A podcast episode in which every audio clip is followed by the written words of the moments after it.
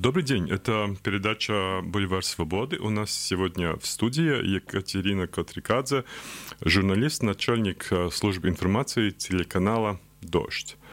Э, Екатерина, прошло 4 месяца, когда закрыли канал «Дождь» в России.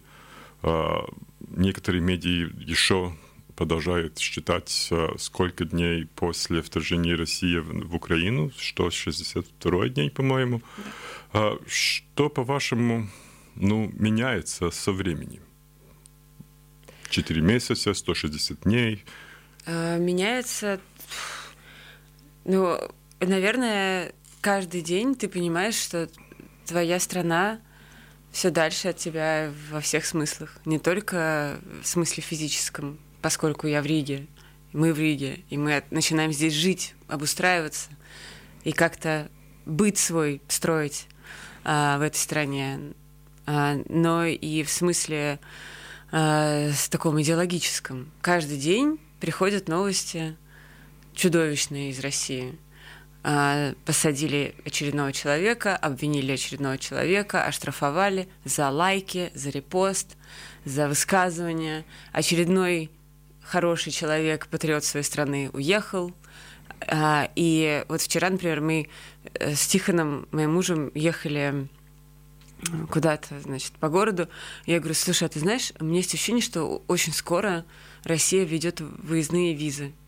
То есть э, вот это как бы, на мой взгляд, сейчас период, когда Россия отпускает людей, когда Владимир Путин решил, что он э, готов э, не сажать всех подряд, а вытесни, вытеснить людей. Mm.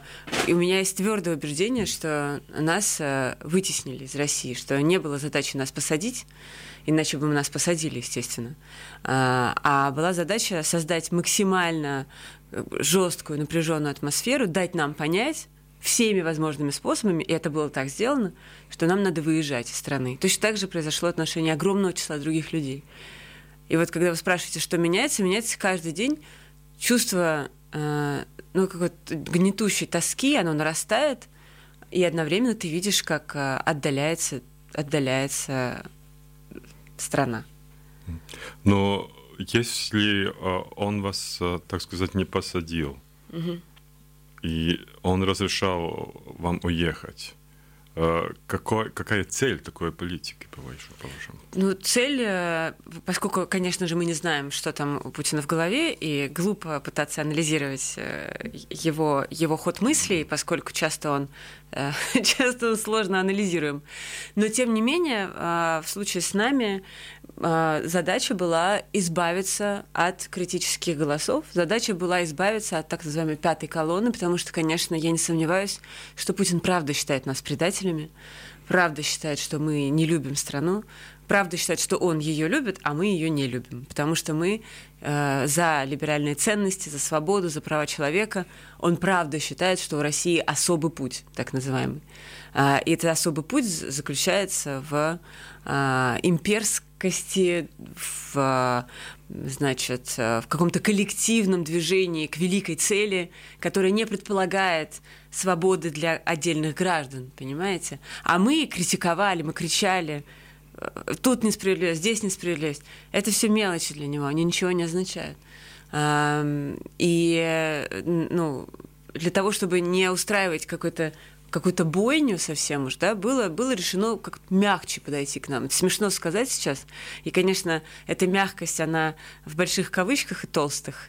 Но в его, в его представлении, в представлении кремлевских вот этих аппаратчиков и чиновников, которые сидят и принимают решения, значит, нужно было быстро от нас избавиться, а жестить не хотели. То есть это все-таки не 38-й, а, и сажать нас или, или там расстреливать, или что-то с нами такое делать.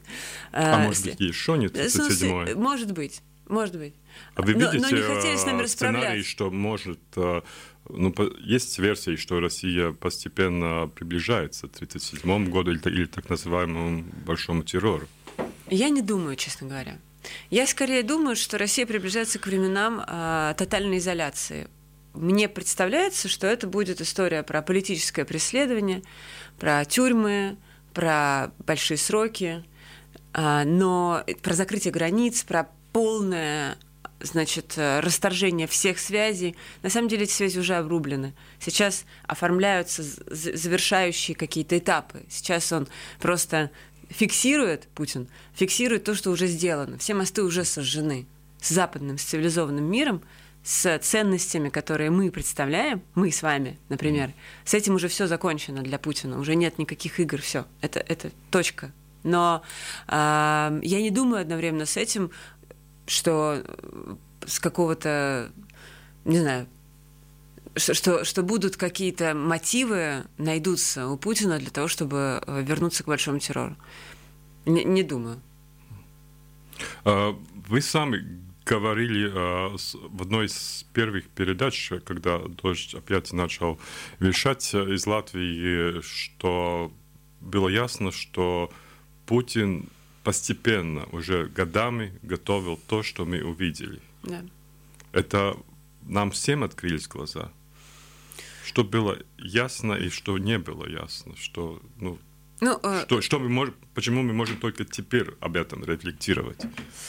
На самом деле ведь очень много рефлексировали и до. И во время такого постепенного, поступательного движения к авторитарному государству, а затем к диктатуре, э, были люди, которые очень много об этом говорили. Э, благо, в те времена пусть была уничтожена свободная пресса в России, но несколько показательных средств массовой информации оставались. Это был «Дождь», один телеканал, одна радиостанция «Эхо Москвы» и одна газета, новая газета. Плюс много новых интернет-площадок, которые открывались, и им позволяли, на удивление, работать. То есть эти СМИ, эти платформы позволяли рефлексировать. И, и много было раздумий, размышлений. Другое дело, что э, очень мало кто верил в то, что в 21 веке возможна война. Но это не потому, что Путина недооценивали, а потому что э, мир менялся очень, понимаете? Мир очень изменился. Э, я, например, Когда изменился? Ну, изменился в, послед... в последние десятилетия. За, за годы послевоенные, после Второй мировой войны, э, Европа и западный мир в целом, э, он прекратил даже, он, он, он обрубил даже мысль о том, что может быть повторение кровопролития, бессмысленного, беспощадного убийства людей.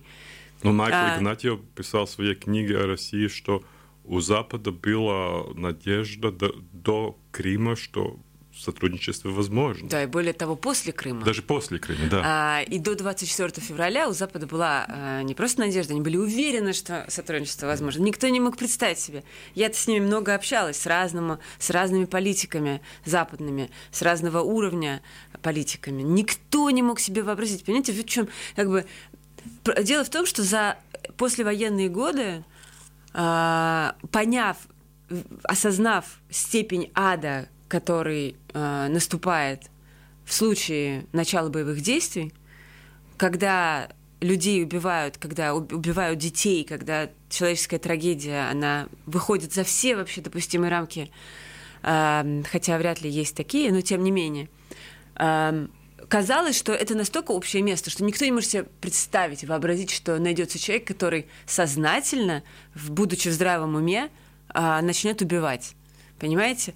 А, и исходя из этого, исходя из этого, подобный сценарий мало рассматривался. Хотя уже, знаете, после э, удивительная вещь, э, это, это сознание западного либерального прогрессивного мира, оно могло быть несколько нарушено в 2008 году, когда Путин вторгся в Грузию, и когда были и убийства, и, и значит, э, оккупация территорий, и вот войск, и неисполнение соглашений, подписанных, например, там Медведевым и Саркози, и так далее. Вы жили тогда в Грузии? Или? Я тогда жила в Грузии. Я на это все смотрела с таким ужасом искренним. Ну, и все, все люди, которые жили в Грузии. Э, просто масштаб был совершенно иной. Грузия маленькая страна, и за пять дней удалось российским войскам сделать все, все то, что они хотели сделать. А, у Грузии не было ни готовности, ни, ни боевой готовности, никакой угодно иной для того, чтобы этому сопротивляться дольше. А, этот эпизод а, мир, как бы, знаете, как, не знаю, зудящий комариный укус как-то, значит, расчесал, а потом забыл о нем, заклеил пластырем, потому что очень не хотелось об этом думать, потому что выводы делать из этого нападения на Грузию мир э, не стал. э, сознательно. И даже тогда была такая комиссия Хайди Талиевини э, от европейцев, которая установила, что Саакашвили начал войну первым, ответив на провокации российской страны, что как бы оксюмарон. То есть либо, либо одни начали, либо другие. а тут не было ответа прямого а, на вопрос, а, кто. Но, но этот а, на вывод а, госпожи, госпожи Талиевини удовлетворил мир. Он как бы с такой... Он сел и подумал, ну ладно, но там все неоднозначно. Давай дальше пойдем, будем с Путиным дальше общаться. Потом был Крым, из которого тоже не было сделано никаких выводов. А, ну и, и, соответственно, мы пришли к тому э, кошмару, который сейчас наблюдаем. А что для вас означает э, наши дни? Э, потому что э, мы наблюдаем какую-то пр- проблему журналиста э, или то, даже политологов э, критиковать Запад. Потому что если ты начинаешь критиковать западную политику, там, Германию или Францию, сразу как-то ты начинаешь работать в пользу той ну, российской пропаганде, которая, которая вещается по, по, по государственным каналам России. Ну, мне кажется, кстати, что в, а как в, вам? в западном в западном обществе нынешнем э, вполне себе можно и тех, и других критиковать, и тебе ничего не будет. Нет, нет, в том смысле, что не будет, но я думаю, эмоциональном смысле. Эмоционально, ну, конечно, или, многим хочется. Или э, ценностям, ценностным. Человеческая природа, она э, тянется к простым формам. Человеческая природа тянется к реальности, где есть черное и белое, где есть хорошие парни и плохие парни. Э, в данной ситуации сегодня есть черное и белое только в формате нападающая жертва, Россия, Украина, э, агрессор э, и, и совершенно ни в чем не повинное государство.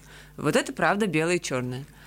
А вот дальше начинаются уже проблемы, потому что э, действительно, действительно Запад много допустил ошибок, правда, много ошибок. Естественно, не несет ни Макрон, ни э, Меркель, ни Обама, ни Байден, ни Шольц, никто из них ответственность за эту войну. Разумеется, нет. Но есть ощущение, что они недооценили Путина, они э, и, и переоценили э, значит, значение, значение сотрудничества для него.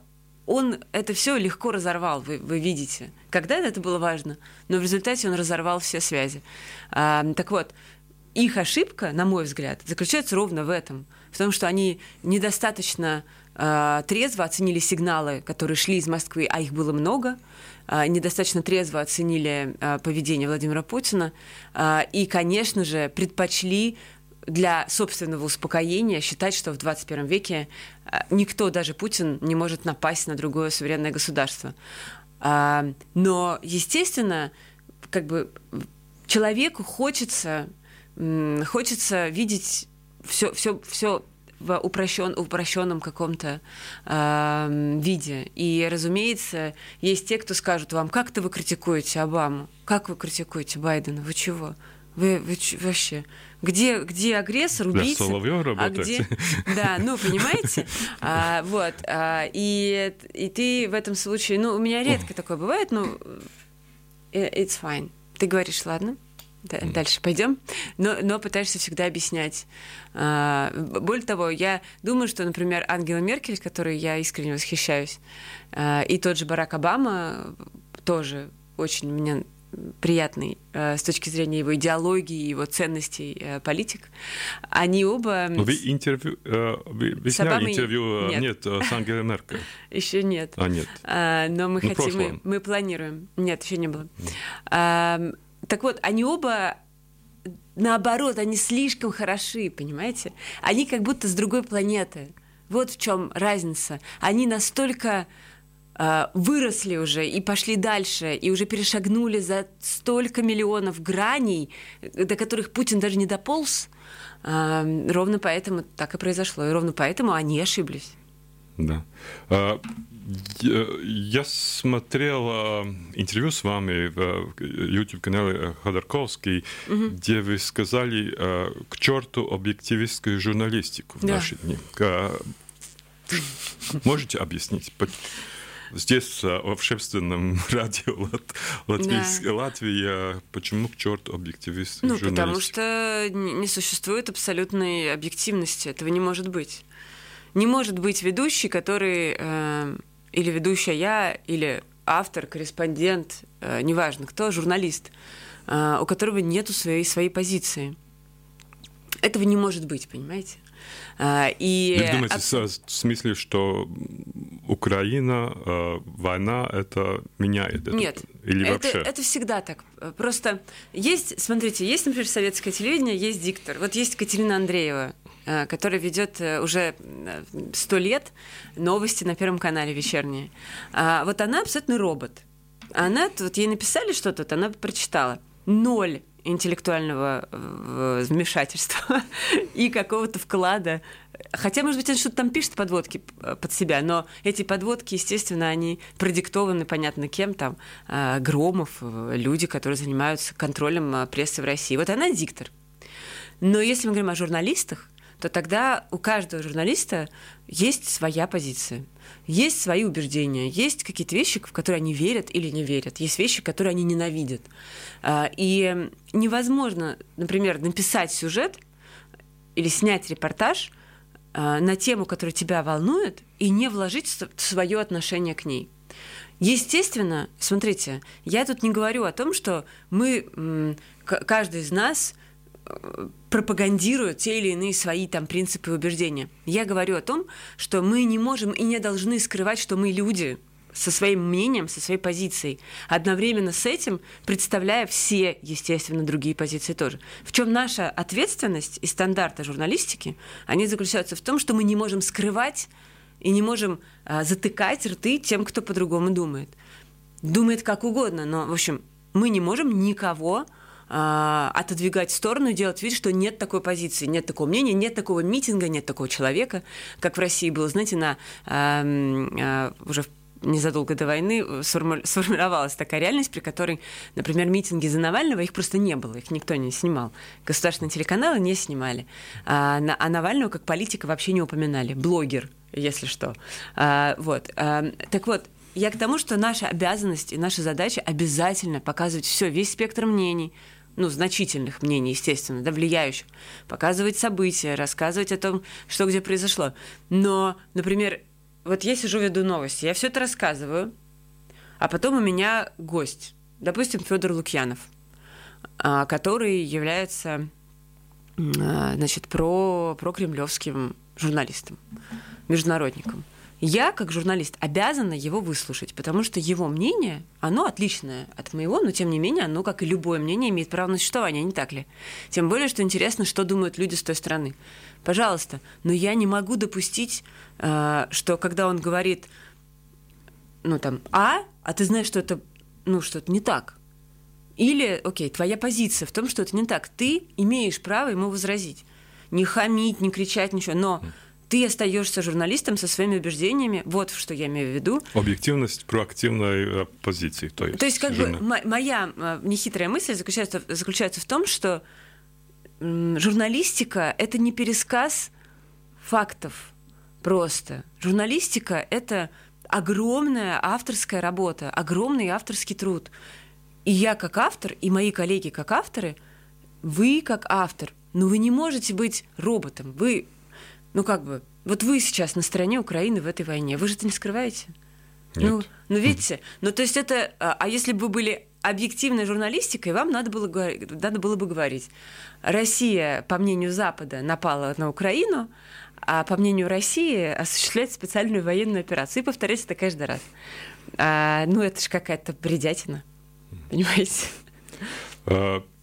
То, что здесь находится уже «Медуза» после, после Крыма, то, что здесь находится «Новая газета», э, «Свобода» и теперь телеканал «Дождь», mm-hmm. это совпадение или какая-то закономерность? Ну, наверное, ну, конечно, это закономерность, да. разумеется. И в чем закономерность, по-вашему? В том, что Латвия — это страна, которая абсолютно сознательно а, не опасаясь вызвать раздражение Владимира Путина, принимая тех людей, которым а, нужна помощь. Латвия предлагает поддержку. Понимаете? И это очень важно. важно Около что... 200 журналистов да, получили да. визы и чтобы работать здесь. Это, это как бы штука про э, моральную ответственность. Потому что, ну, давайте так, я сначала, я вообще грузинка, и мы сначала приехали в Грузию.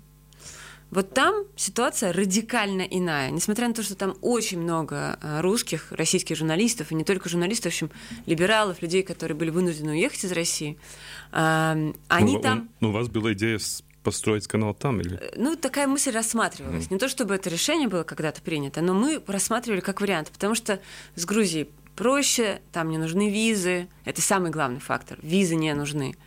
И как бы и ты понимаешь эту страну, и там есть русский язык, и культура, и вообще все любят Грузию. Многие любят Грузию. Там, там классно.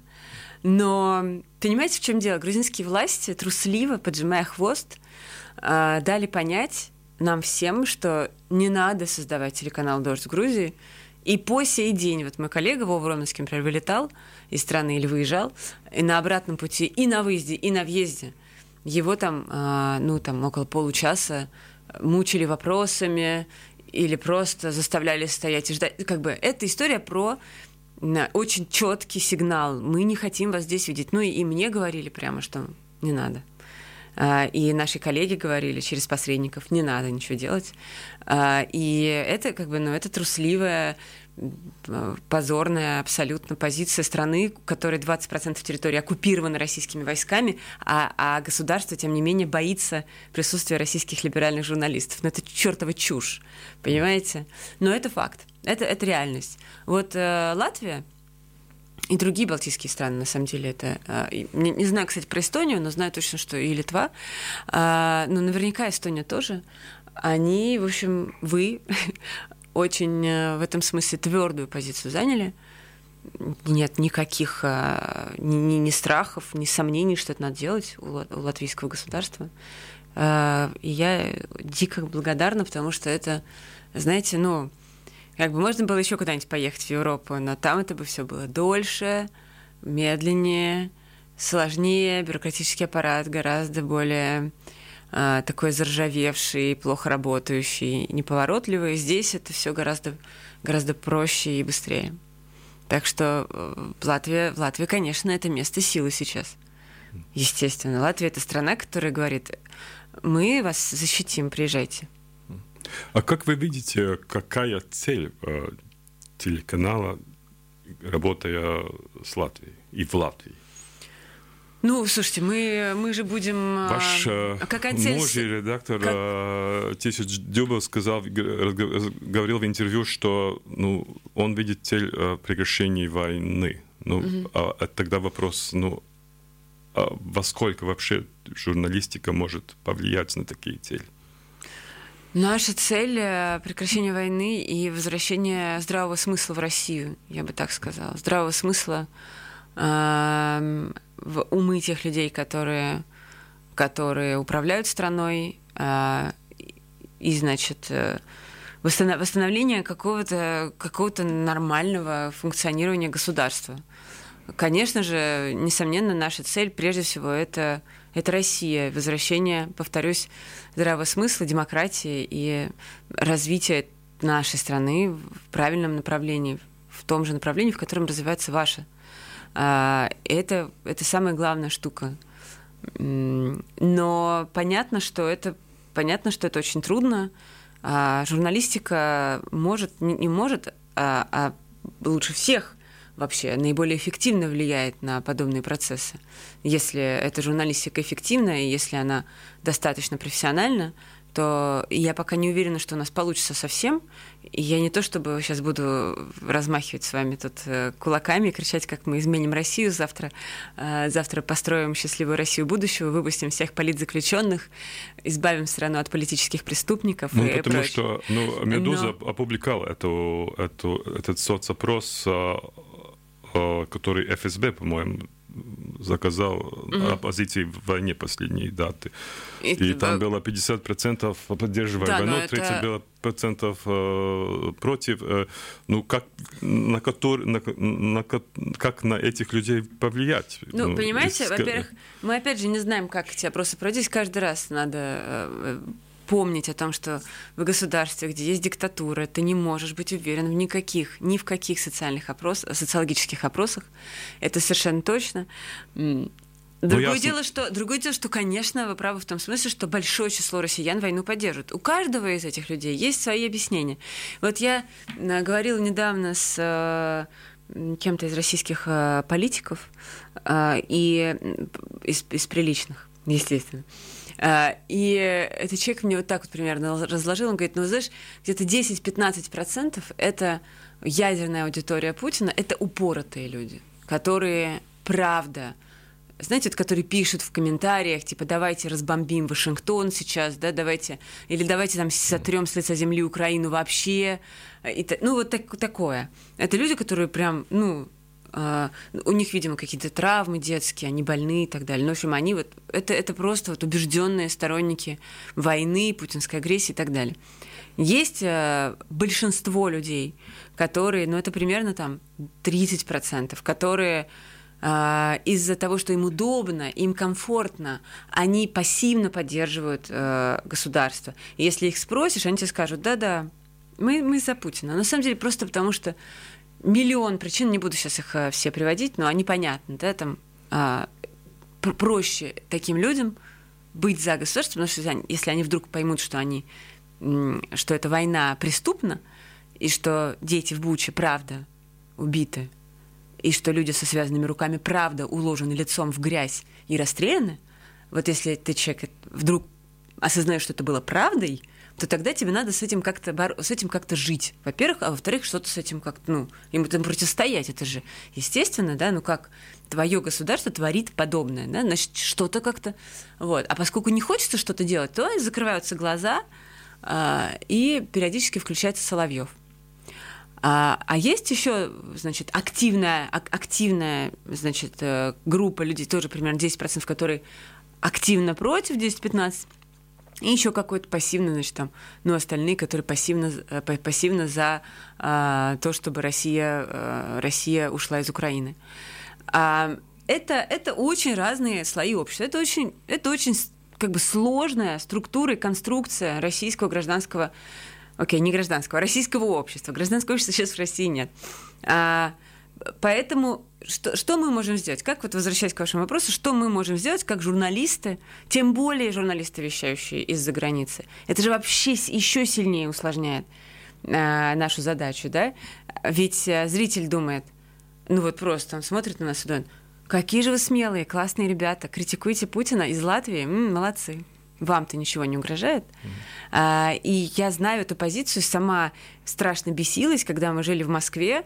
Каждый день мы говорили что то, что легко говорили. критиковать, находясь а, в а, Париже. А при этом, или... да, были политики, например, которые О. призывали людей выходить на акции протеста, ну или просто критиковали власть э, из э, теплых э, там не знаю, венских квартир, например. Ну, что это за вообще, что за э, мерзость, да? Тебе хочется сразу сказать, посмотрите на, на того же Навального, посмотрите теперь уже на Яшина, на, на Володю Карамурзу, на тех людей, которые сели. Вот это люди, которые обязательно по выходе из, э, из тюрьмы, они будут строить страну а, и будут пользоваться а, безоговорочной а как вы думаете, что поддержкой. будет с Навальным?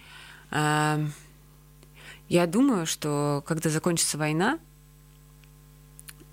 Алексей Навальный выйдет, а, я думаю, что вообще все изменится. Я, а, может быть, сейчас говорю нереалистичные для кого-то вещи, но я убеждена совершенно, что ну не может. Россия классная страна, понимаете? Я как грузинка вам говорю. Как человек, который вообще-то себя прежде всего ассоциирует с Грузией. Я приехала в Россию в уже второй раз вернулась в Россию в девятнадцатом году, я за два с половиной года увидела столько молодых, талантливых, э, образованных, продвинутых, э, классных людей. Э, эти люди не, ну просто они не могут жить, и не все они выехали. А те, кто выехал, верню, вернутся, мы вернемся. Это произойдет после того, как Путин проиграет войну в Украине. А, проиграет войну, у него, у него все посыпется. Я в это верю, правда, потому что, ну, не может. Я, когда началась война, все время говорила, это такое невероятное зло, это такая концентрация зла, это как будто, знаете, такой шар надулся над Москвой, черного, вот как, извините, в Stranger Things, кто видел сериал, а, вот там вот есть вот такая концентрация, сгусток черного зла. Вот это, ну, это должно быть побеждено, потому что иначе а, нам всем крышка. Обязательно.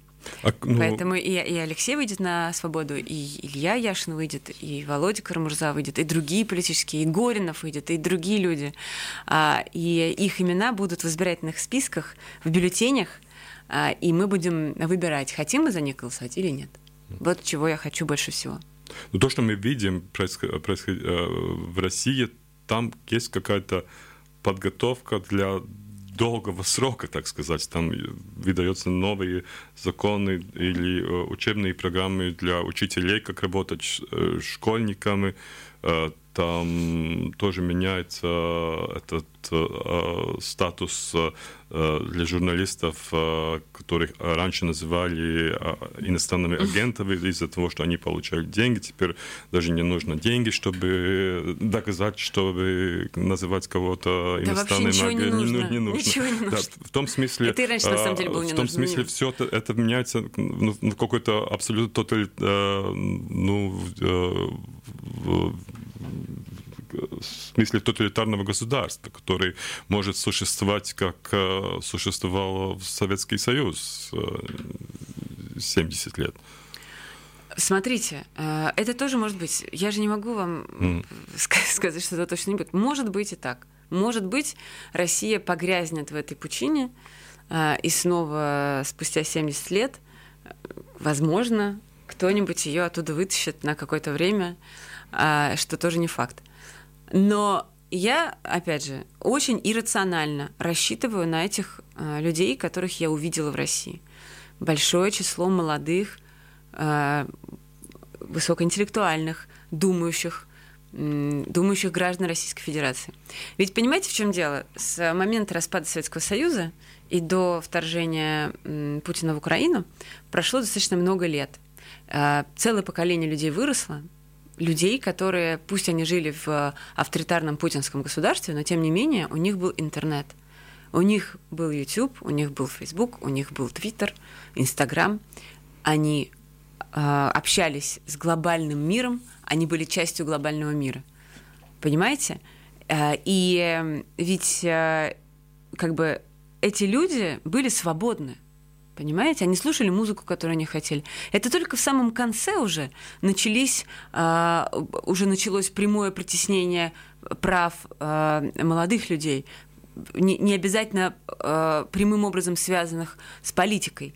То есть э, мы наблюдаем за тем, как сейчас миллионы российских молодых людей оказались в полнейшей э, вообще э, в абсолютно шоковом состоянии они вдруг увидели, что они как бы они выросли при Путине, и они думали, что их жизнь очень похожа на жизнь, например, рядового молодого человека в Лондоне, ну, потому что они думают одинаково, они знают языки, они развиваются, они читают одинаковые книжки, все дела. Им эти книжки читать пока еще тогда никто не запрещал.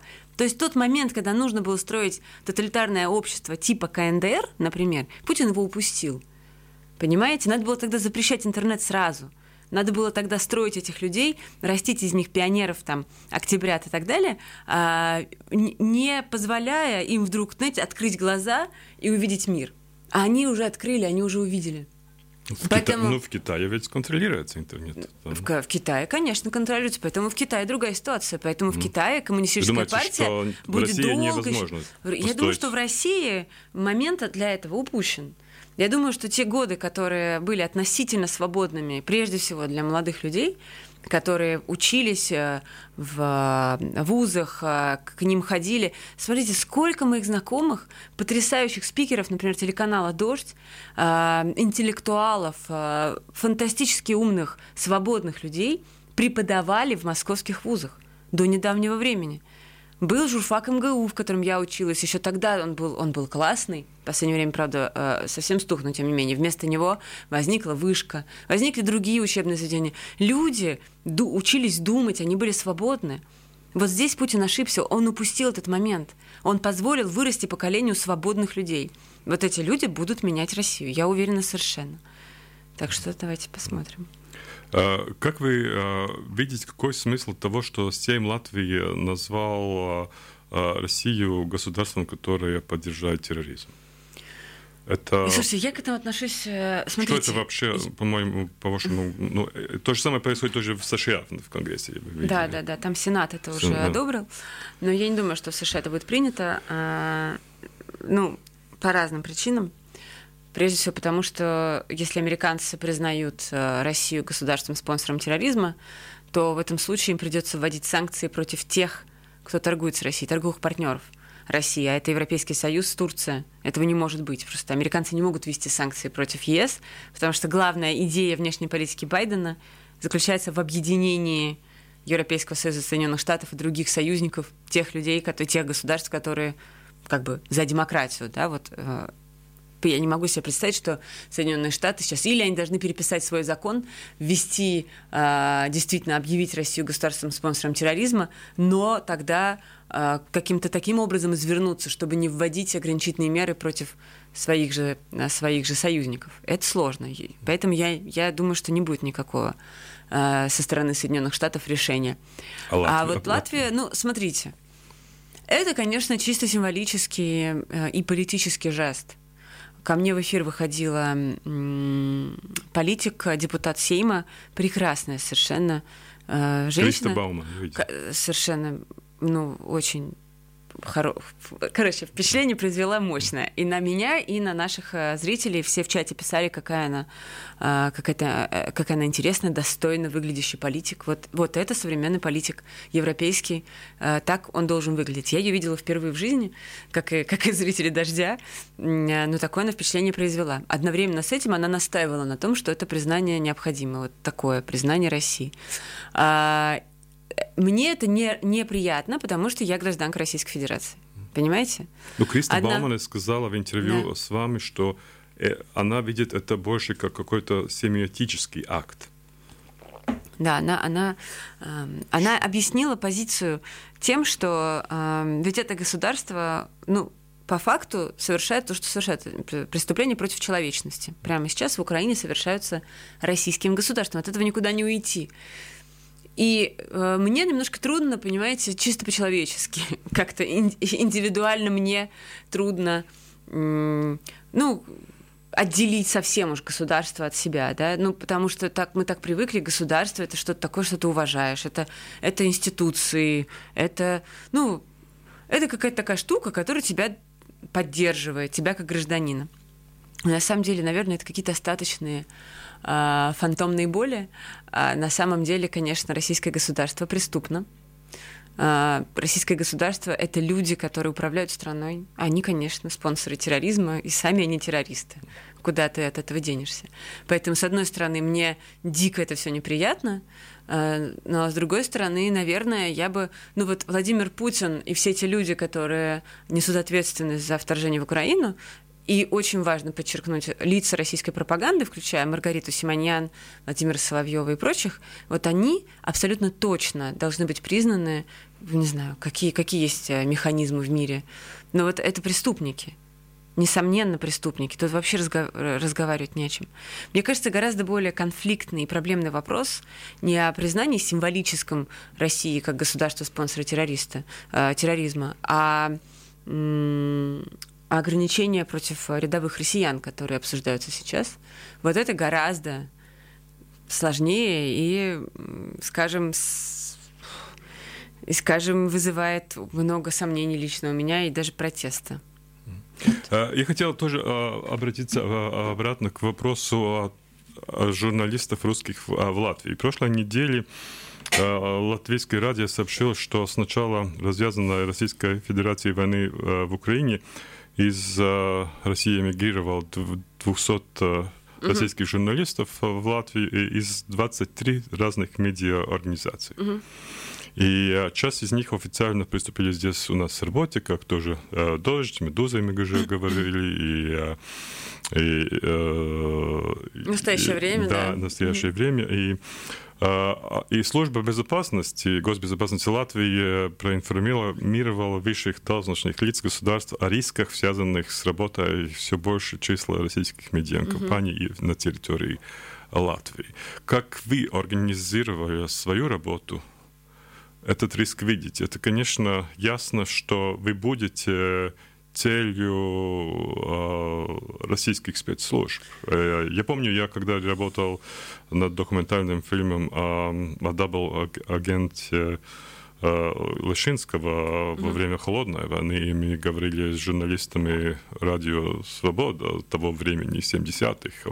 У них было ясно, что в каждой редакции был агент КГБ. А, да? И, и теперь, когда опубликовали наши архивы КГБ, там было видно, что именно в редакции тоже Радио Свобода, которая в то время работала в Мюнхене, а потом в Праге, были люди, которые ну, тоже работали в агентуре.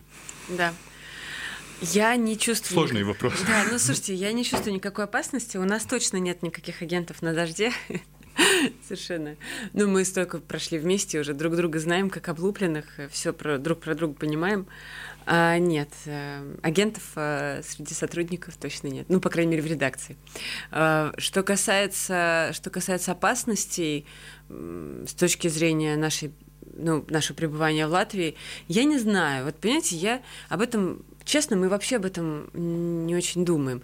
У нас есть, наоборот, э, чувство какого-то, знаете, такого колпака, которым нас накрыли здесь, потому что мы находимся на территории Европейского Союза, мы абсолютно убеждены в позиции Европе... Э, государства латвийского. Мы...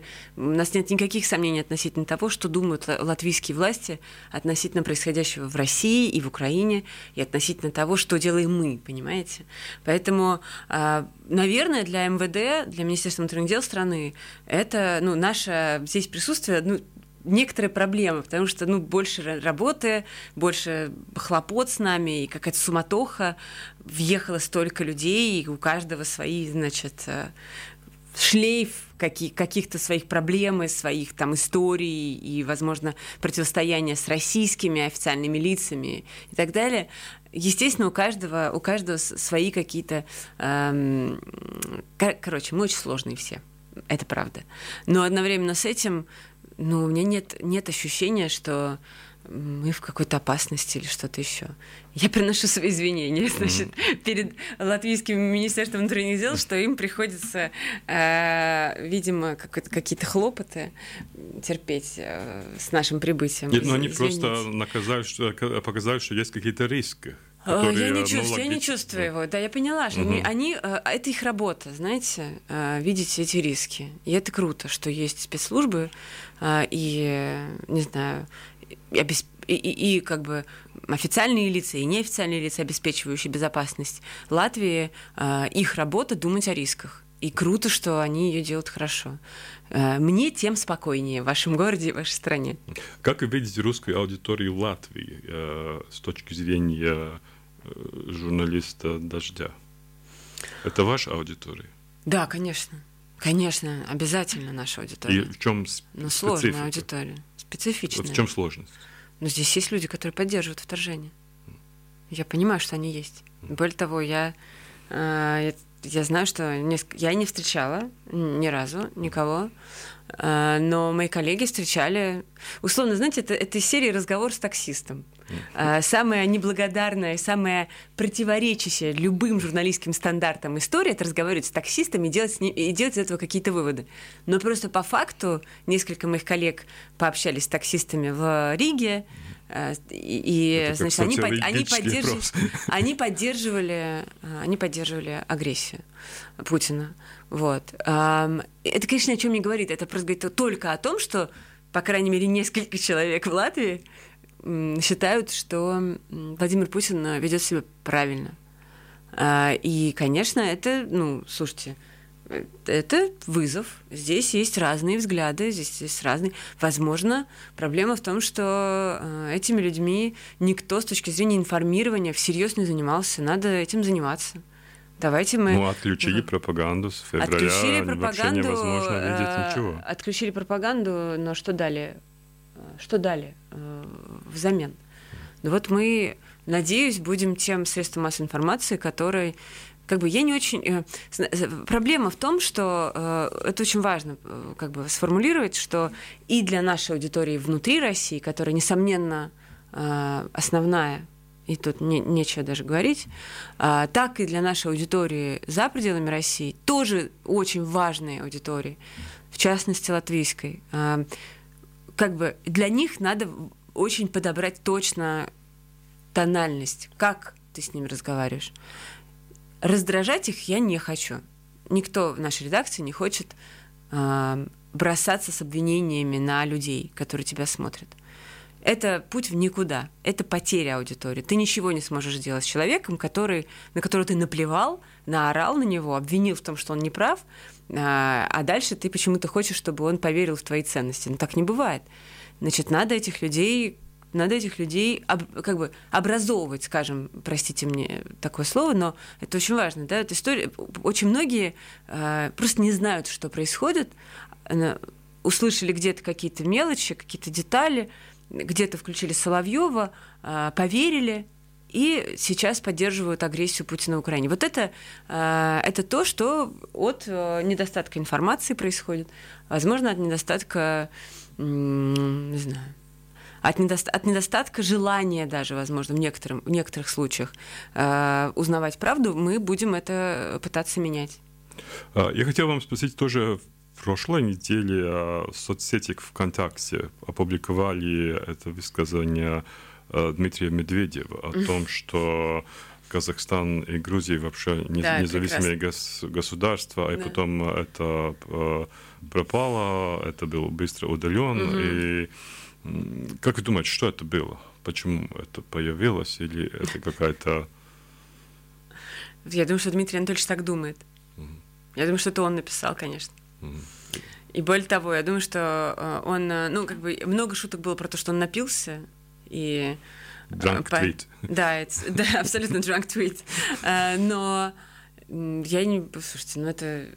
Объяснять подобные вещи алкоголизмом, ведь, например, посты и заявления Марии Захаровой тоже периодически все, значит, объясняют тем, что она, что она пьет и, и вот. А, мне кажется, что это просто слишком простой путь. Я не думаю, что все дело в том, что люди, люди пьют. Все люди так или иначе пьют. ну, почти. Вот. А, я думаю, что Дмитрий Анатольевич делает это для того, чтобы быть первым среди вот этих ястребов. Выпрыгивая из штанов – пытаясь доказать Владимиру Путину, что он даже путинее Путина, понимаете? Что он может, что он еще... А, значит, мы сейчас а, как бы фактически прямо признаем, что будем расширять географию, как сказал а, Лавров по поводу Украины. То есть а, в Украине и так все понятно, поэтому надо жестить где-то за пределами Украины. Буду жестить в пределах Грузии и Казахстана, подумал а, Медведев – и написал этот чудовищный идиотский пост. Для того, чтобы Путин увидел, похвалил и сказал, правильно ты понял мои мысли. Понимаете? А, и потом, после этого, чтобы Медведева достали из этой нафталинной коробки и посадили на какое-нибудь действительно влиятельное место. А, сейчас а, он занимает, занимает пост, который ничего не значит, ни на что не влияет, и звать его никак, и работает он никем. А был человек президентом ну, конечно, эффективным, но все равно он же был президентом по бумагам, по документам. А, конечно, он хочет куда Возможно, он рассчитывает на то, что станет преемником. Я не знаю, на что он рассчитывает, но по факту это просто, знаете, попытки, еще раз, быть путинее Путина. Угадать настроение начальника и вот это, значит, вот эту злобу свою выплюнуть, это, же, это жесть просто адская. А, но я думаю, что в каких-то закрытых беседах эти люди действительно говорят о том, что не будь России, не было бы Грузии, а, а Казахстан вообще фиктивное государство, и не было такого никогда. Ну, то есть они друг с другом, они вот это все, я думаю, проговаривают. И Медведев подумал, напишу-ка я, вдруг, вдруг понравится. А, ну, выяснилось, что переугорел немножко.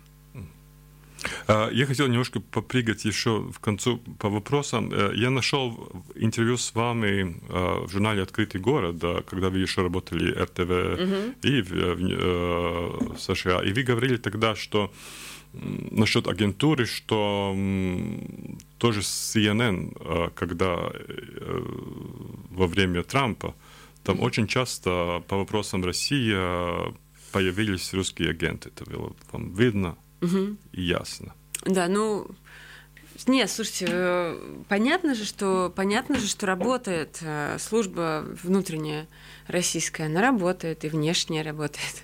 Нет ничего в этом удивительного. It's fine. Как это было раньше, в советские, советские времена, так это работает и сейчас. Вы думаете, есть ли здесь агенты российских спецслужб в Латвии? Вы об этом думаете? Я не знаю. Наверное, есть. Ну, конечно. Наверняка, ну, в смысле. Да, ну куда от этого деться?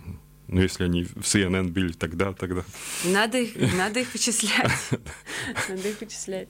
Спасибо. Это была Екатерина Котрикадзе, журналист и начальник службы информации телеканала «Дождь», который с 18 июля вещает с Латвии. Да, спасибо, спасибо вам. Спасибо. спасибо.